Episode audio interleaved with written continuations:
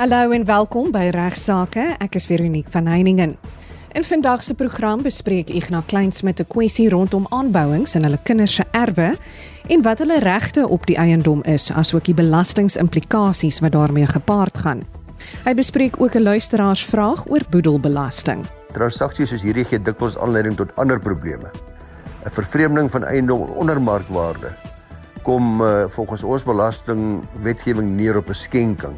In die tweede deel van die program praat Dr. Llewellyn Kerr-Lewis oor diefstal en ons verwelkom vandag vir Dr. Kerr-Lewis. Ek het geweet dat 'n ei onder 'n valse indruk gebring is en dit is die nodige opset vir die misdaad gehad.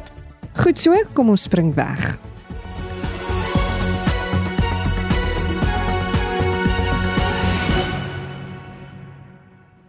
Luisteraar skryf dat sy seun hom jare gelede gevra het om sy woonstel te verkoop en eerder in sy seun se erf vir hom 'n woonstel te kom bou. Aangesien die luisteraar reeds bejaard is en enkel lopend is, het hy toe besluit om 'n paar honderd duisend rand te gebruik en in die seun se erf te bou. Die seun en skoondogter wil nie 'n kontrak aangaan oor wat met die eiendom sal gebeur indien die seun sou sterf nie. En die luisteraar is verder bekommerd dat die skoondogter hom nie sal uitbetaal indien sy seun iets sou oorkom nie. Igna, die luisteraar wil weet wat in praktyk sal gebeur en of hy nie aansoek kan doen vir aktepapiere nie sodat die eiendom in sy naam geregistreer kan word. Hy wil ook weet wat die belastingimplikasies is wat met die eiendom gepaard gaan. Dit is so tragies om te sien hoeveel mense wat ouer word val vir die versoek om eiendom te verkoop en dan saam met hulle kinders te gaan woon en dan uiteindelik in groot nood is veral wanneer daar nuwe skoonkinders kom en uh, wanneer daar byvoorbeeld 'n egskeiding is, in hierdie geval is dit nou nie 'n egskeiding nie, maar dan wanneer hulle begin agterkom, daar's 'n risiko dat hulle hulle eiendom kan verloor. Nou wanneer iemand 'n huis bou op 'n erf geregistreer in 'n ander een se naam, dan sal daardie huis deel word van 'n geregistreerde eiendom. So hy kan nie sy eie akte kry nie. Dis sy eerste vraag wat hy gevra het. Registrasie is 'n metode waarop regte beskerm kan word. En sommige erwe is wel onderverdeelbaar. En indien die erf waar die woonstel dan nou gebou is onderverdeelbaar is, slegs dan sal hy kwalifiseer, sal dit 'n moontlike oplossing daarstel. Maar andersins sal dit ongelukkig in sy seun se naam geregistreer bly. Maar u sal hierdie inligting kan bekom van sy plaaslike munisipaliteit. So gaan sien dringend 'n plaaslike prokureur en ek stem saam dat u self moet beskerm teen die skoondogter wat duidelik uh, nie empatie het met u nie en ook nie simpatie het nie. 'n Verdere moontlikheid natuurlik is om met u seun 'n reëling aan te gaan want u is maar groot vrees is wanneer hy eerste sou tot sterwe kom om met u seun 'n skuldakte aan te gaan waarin hy onderneem om u te vergoed vir die volle bedrag wat u daar spandeer het plus miskien rente daarop indien hy te sterwe sou kom en in daardie geval kan u natuurlik by sy afsterwe so 'n skuld afdwing teen sy boedel. U kan 'n eis instel teen sy boedel. Dis natuurlik in die hoop en veronderstelling dat sy boedel behoorlik solvent is en u kan vergoed. Dis u sal dis 'n eis kan instel. 'n Ander oplossing is dat u en dis eintlik by verre weg die beste oplossing van die begin af dat u op die stadium toe u versoek het om u woonstel laat te bou dat u dan 'n vruggebruik ook moes teen die titelakte registreer wat vir u dan lewensreg gee op die woonstel se verblyf die bewoningsreg vir die res van u lewe. Nou as hy dan te sterwe kom en sy vrou erf alles, sal dit altyd wees onderhewig aan u bewoningsreg of u vruggebruik. Hy kan natuurlik ook daarvoor voorsiening maak in sy testament. Maar dis altyd 'n baie riskante oplossing as hy nou vir u sê pa moenie bekommerd wees nie. Ek sê in my testament dat pa daardie huis kan bou. Ongelukkig of ek vir u pa 'n gelykwaardige bedrag gaan gee, maar onthou net hy kan sy testament enige dag sonder jou medewete weer verander. U sal ook 'n aksie teen sy boedel kan instel op grond van verryking omdat hy omdat sy eiendom nou baie meer werd is. Daai verryking sal wees die verskil tussen die waarde van die eiendom wat dit sou gehad het met die woonstel en dan sonder die woonstel. Maar ongelukkig is dit 'n bietjie problematies soms omdat ons reg nog steeds nie 'n algemene verrykingsaksie erken nie. Daar is 'n geringe uitsonderings, maar daar moet 'n sekere vereistes voldoen is wat dalk nie teenwoordig is in u geval nie. Miskien moet u maar net eers gaan praat met u seun self, met hom alleen. Die probleem is dalk, ek hoop vir u part so daarin geleer dat uh, hy nie heeltemal u bekommernis begryp nie, omdat kinders nooit dink hulle kan dalk voor hulle ouers sterf nie. Dis onwaarskynlik, maar vertel vir hom van u vrese dat u net graag gemoedsrus wil hê en dat u dan heeltemal bereid is om self te reël vir die registrasie van so vruggebruik op die eiendom, servitut, reg van bewoning. U kan hom gerus ook uitnooi om na hierdie program op Potgooi te gaan luister op RSG se webwerf. Jy weet almal hoe dit werk. Jy gaan na enige menige program te gaan luister, gaan jy maar net na RSG se webwerf toe en jy gaan na Potgooi toe en jy gaan na R toe vir regsaake. As niks help nie, luisteraars, dan sal 'n prokureur u kan adviseer oor 'n aansoek, die wenslikheid van 'n aansoek na die Hooggeregshof toe om die seun te verplig om 'n uh, vruggebruiksreg te registreer. Myns insiens op die feite wat ek nou gehoor het, het hierdie luisteraar 'n goeie kans om te slaag op sy weergawe. En dis die weergawe dat uh, daar van die begin af die verstandhouding was, die ooreenkoms was dat hy sal kan bly in die woonstel tot die einde van sy lewe met gemoedsrus. Nou ja, Ignou, ons het nog 'n e-pos ontvang, die keer oor boedelbelasting. Die luisteraar se e-pos handel oor haar eggenoot wat haar onlangs genader het met 'n versoek om aanspreeklikheid vir 150 000 rand skuld op sy huislening te aanvaar in ruil daarvoor dat hy haar toestemming gee dat die huis dan in haar naam geregistreer kan word. Die huis is vir 450 000 rand gewaardeer, so sy wen eintlik 300 000. Sy wil weet as hulle sou skei of sy beveel kan word om 'n bedrag aan haar man terug te betaal aangesien sy die huis ver onder markwaarde by hom gekoop het. Die antwoord op hierdie luisteraar se eintlike vraag of haar man in geval van 'n egskeiding eis sal hê om as hy die eiendom verminder as markwaarde by hom gekoop het, is 'n besliste nee. Dis die goeie nuus. Maar wanneer twee partye ooreenkom dat 'n sekere saak vir 'n sekere bedrag verkoop word, dit in die geval van onroerende goed op skrif gestel word soos hulle gedoen het. Dis 'n koopkontrak het tot stand gekom. Daarna vind die oordrag van die eiendom plaas. Dit wil sê in 'n geval word die eiendom in haar naam geregistreer. Die transaksie is afgehandel en kan geen een van die partye behalwe waar een of ander vorm van bedrog bewys kan word, die geldigheid van die kontrak of die koopprys aanveg of bevraagteken nie. 'n Verkoper kan ook nie later luisteraars se verrykingsaksie instel teen die koper op grond daarvan dat die eiendom verminder as markwaarde verkoop is nie. Hy moet maar selfs tog dat die eiendom vir die regte prys van die hand sit. Maar transaksies soos hierdie gee dikwels aanleiding tot ander probleme. 'n Vervreemding van eiendom onder markwaarde kom uh, volgens ons belastingwetgewing neer op 'n skenking. So die transaksie gaan deur alles is klop dus 'n boom, maar daar het 'n skenking plaasgevind. Die ontvanger kan dan ook sodra die dokumente deur die transportbesorgers na hom gestuur word, vir hierdie doeleindes daarop aandring dat skenkingsbelasting betaal word op die verskil van die werklike markwaarde van die eiendom en die koopprys. Maar nou weer die goeie nuus vir ons luisteraar, ek gaan dit maar net vir haar noem, omdat dit op haar van toepassing is dat skenkingsbelasting is nie tussen gades betaalbaar nie. Sy so luisteraar dis ook nie hieroor bekommerd hoef te wees nie, maar ander mense wat eiendomme verkoop vir onder die markwaarde met allerlei slim planne en triks moet maar lig loop, want skenkingsbelasting gaan dan waar hulle nie gades is nie wel ter sprake kom. Kry dikwels in praktyk soortgelyke navrae oor die posisie byvoorbeeld waar 'n pa sy plaas of ander onroerende eiendom vir ondermarkwaarde aan sy seun wil verkoop. Kom ons vat dieselfde syfers wat nou die luisteraar genoem het. Kom ons sê nou maar waar die huis ongeveer 450 000 rand werd is en sy verkoop en hy word verkoop vir 150 000 rand aan iemand anderste. Dan sal skenkingsbelasting op die verskil van 300 000 rand gehef word. Die enigste wettige manier waarvan ons bewus is waar die seun die eiendom op sy naam kan registreer sonder om die markwaarde as kooprys te gebruik en sonder om ook skenkingsbelasting te betaal is om die betaling van die kooprys in die kontrak op 'n besondere wyse te spesifiseer. Dis naamlik dat die kooprys na byvoorbeeld 3 maande na skriftelike kennisgewing betaalbaar is. So amper 'n never never situasie, 'n nooit nooit situasie nie. Die eiendom word dan oorgedra in die koper se naam sonder dat die kooprys betaal is en ten einde gevolg te gee aan die bedoeling van die partye moet die verkoper dan in sy testament sê dit so wysig dat die uitstaande koopprys op datum van sy afsterwe aan die koper vererf. Nou in ons voorbeeld sou die seun dus die hele huis koop vir die bedrag van 450 000 rand. 150 000 rand is betaalbaar op datum van registrasie.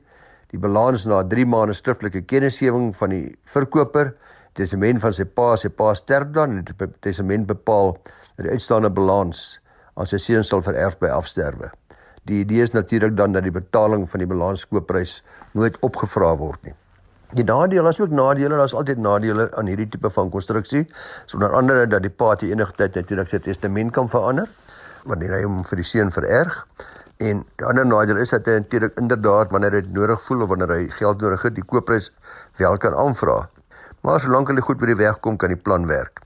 Die ander belangrike oorweging is natuurlik dat sy boedel nog steeds 'n bate het, die uitstaande skuld van 300 000 rand alhoewel dit afgeskryf word in die testament, bly nog steeds 'n bate in die boedel waar 'n boedelbelasting dalk uh, afhangende van die omstandighede betaalbaar mag wees. 'n Ander plan wat dikwels in praktyk goed werk is dat die pa kan ook elke ouer kan ook 100 000 rand per jaar belastingvry aan sy kinders skenk. In hierdie geval kan die pa dit aan sy seun skenk ten einde die uitstaande koopprys van 300 000 rand jaarliks met 100 000 rand te verminder. Eers kon dit slegs 'n boekinskrywing wees, want die ontvanger het 'n bietjie 'n stokkie daarvoor gesteek en uh, by oomblik verwag die ontvanger dat mens moet bewys dat daar inderdaad 'n betaling en 'n terugbetaling plaasgevind het. So Lende verwag dikwels luisteraars dat 'n belasting aanbetref daar wonderwerke is wat hulle prokureurs kan verrig. Dis ongelukkig nie so nie. Selfe geld vir makelaars en ander belastingkundiges. Ek gaan baie luisteraars teleurstel, maar ongelukkig weet ek van geen kundige wat daar in staat is om die ontvanger en die belastingwetgewing wat juis gedurig aangepas word om die skuiwergate toe te stop weg te toer nie. Die keiser kry gewoonlik wat hom toekom, maar daar is ook baie metodes waar boedelbelasting, skenkingsbelasting en hereregte deur goeie boedelbeplanning beperk kan word.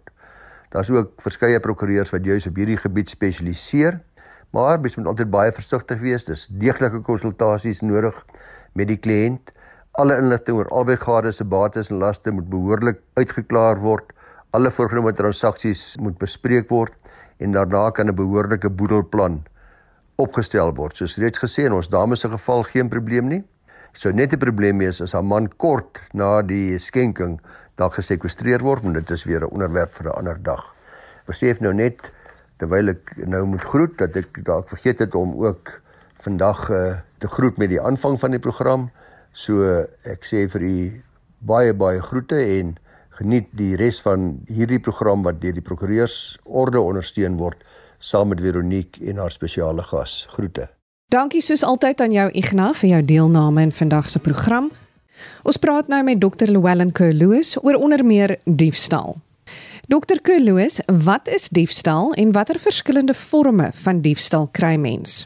Kom ons kyk na die verskillende forme van diefstal en probeer dit onderskei miskien van dinge soos bedrog, korrupsie en ander verwante misdade. Eerstens 'n definisie van diefstal. Diefstal is die wederregtelike opsetlike toeëning van 'n roerende liggaamlike saak wat in die handelsverkeer is en wat aan iemand anders behoort of ook sodanige toeëning van sodanige saak wat aan die dader self behoort in omstandighede waarin die besitter 'n besondere besitsreg op die saak het. Waar kom diefstal vandaan in ons regsgeskiedenis? In die Romeinse en die Romeins-Hollandse reg is die handeling by diefstal beskryf as 'n sogenaamde contractatio wat doeteenvoudig beteken het die hantering van 'n saak waardeur die saak fisies aangeraak of betas word.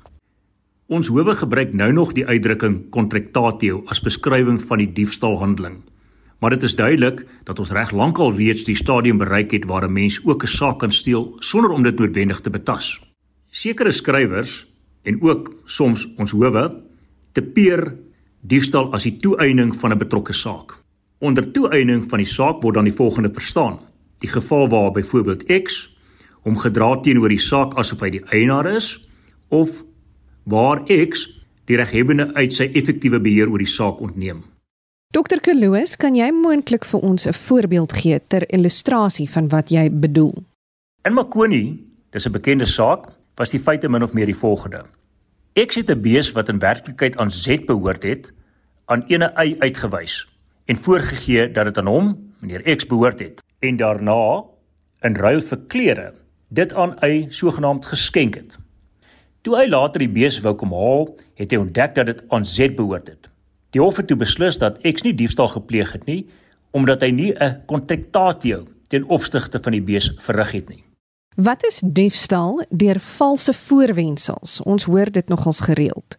Diefstal deur valse voorwendsels word gepleeg indien iemand wederregtelik, opsetlik en deur middel van valse voorwendsels 'n roerende liggaamlike saak van 'n ander verkry met laasgenoemde se inwilliging en dit dan toeëien. Die misdaad kan beskou word as 'n vorm van bedrog omdat daar altyd 'n misleiding van sê nou maar y was. Die bedrog of wanvoorstelling word dan gevolg deur 'n toeëning van die saak. Wat dus in werklikheid gebeur is dat daar sowel bedrog as diefstal gepleeg word. Dit is duidelik dat X vir Y mislei het deur voor te gee dat hy die eienaar van die motor is, byvoorbeeld, en dat hy dit dan verkoop. As gevolg van hierdie misleiding het hy dan afstand gedoen van sê net maar geld, koopsom ten gunste van die meneer X die skelm. X het geweet dat hy onder 'n valse indruk gebring is en dit is die nodige opset vir die misdaad gehad.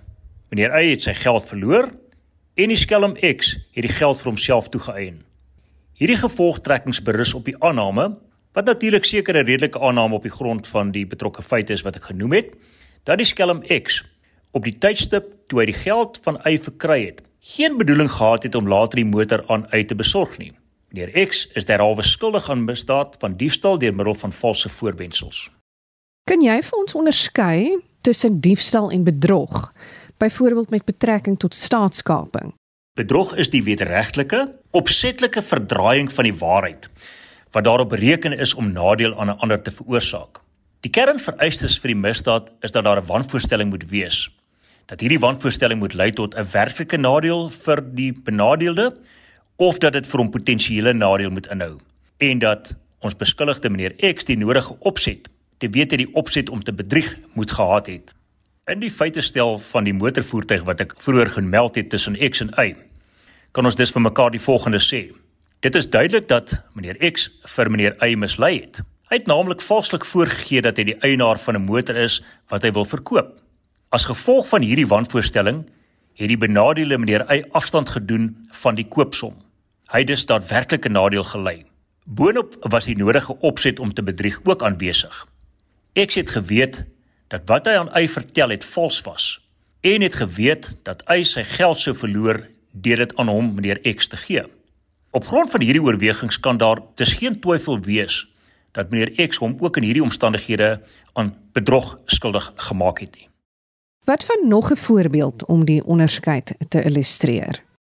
Gestel ons skelm meneer X bevind homself in 'n selfbedieningswinkel. Hy neem 'n koekie seep van die rak en steek dit in sy broeksak. Net voordat hy by die betaalpunt kom, word hy gekonfronteer deur 'n veiligheidsbeampte wat sy sakke deursoek en die koekie seep in een van die sakke kry. Ons meneer X word van diefstal van die koekieseep aangekla. Kom ons vra die vraag of hy skuldig is aan diefstal van die koekieseep? Al dan nie. 'n Koekieseep is 'n roerende liggaamlike saak in die handelsverkeer en is dus vatbaar vir diefstal. Meneer X eien hom 'n saak toe as hy hom gedra asof hy self die eienaar daarvan is en hy sodoende die reghebbende effektief uitsluit van die beheer oor sy saak. In wese kom dit daarop neer dat X dan die beheer oor die saak uitoefen in die plek van die reghebbende, kom ons sê meneer Y. Presies wanneer Y, die winkeleienaar, die beheer oor die saak verloor het ten gunste van die dief, is natuurlik 'n feitevraag. Om te bepaal of ons skelm meneer X in die gegeewe feite stel 'n toeëningshandeling verrig het, moet vasgestel word of hy op die tydstip wat hy betrap is, Y, die winkeleienaar, reeds uitgesluit het van sy beheer oor die koekie seep en self die beheer daaroor verkry het. Daar is botsende uitsprake oor die vraag of X in 'n situasie soos die reeds volle beheer oor die saak verkry het. In sommige sake is beslis dat hy op grond van so 'n handeling aan 'n voltooide diefstal skuldig is. Wat natuurlik impliseer dat hy reeds effektiewe beheer gekry het. En dan is daar ander sake waarin beslis is dat hy op grond van so 'n handeling slegs aan poging tot diefstal skuldig is. Wat natuurlik impliseer dat hy op daardie tydstip nog nie effektiewe beheer verkry het nie. Die saak is dit met ander woorde eens ten minste aannemende dat die bewys is dat X natuurlik die opset gehad het om te steel dat ons skelm meneer X minstens aan poging tot diefstal skuldig bevind behoort te word. Die jongste neiging van ons howe is om te aanvaar dat as X in 'n selfbedieningswinkel goedere in of onder sy klere versteek en betrap word, nog voordat hy by die betaalpunt kom, hy aan voltooide diefstal skuldig is. Natuurlik weer eens aannemende die feit dat opset om te steel wel bewys is. Dit blyk uit veral uitsprake soos byvoorbeeld Lamini wat ook 'n bekende saak is in ons strafreg. Of skoon die eienaars van selfbedieningswinkels gewoonlik stappe doen om te voorkom dat die kliënte skelmpies items uit die winkels neem sonder om daarvoor te betaal, is dit prakties onmoontlik om te alle tye kliënte dop te hou of te deursoek. Daarom kan nie gesê word dat so 'n winkeleienaar prakties gesproke volle en effektiewe beheer oor alles in die winkel het nie. Die afleiding is dus dat op die tydstip wat ons skelm meneer X betrap is, hy reeds beheer oor die saak verkry het en dus die saak toegeëien het. Voordat X in ons feite stel aan diefstal van die koekie seep skuldig bevind kan word, moet dit duidelik wees dat hy die opset gehad het om dit te steel. As hy die koekie seep in 'n sak gesteek het met die doel om dit wel later daarvoor te betaal, of dit dalk bloot in gedagte in sy sak gesteek het, het die opset om te steel by hom ontbreek. In die gegeewe feite stel wat ek aan u genoem het, word te min feite natuurlik genoem om 'n definitiewe afleiding omtrent die opset vereiste van X te regverdig. Baie dankie aan Dr. Llewellyn Kerloos vir jou deelname in vandag se program en natuurlik dankie aan Ignas Kleinsmid. Ek is maandag weer terug met nog regsaake. En indien jy 'n e e-pos wil stuur in verband met vandag se program, kan jy dit gerus na my toe stuur by vero@rsg.co.za. Van my Veronique van Heiningen groete tot volgende week.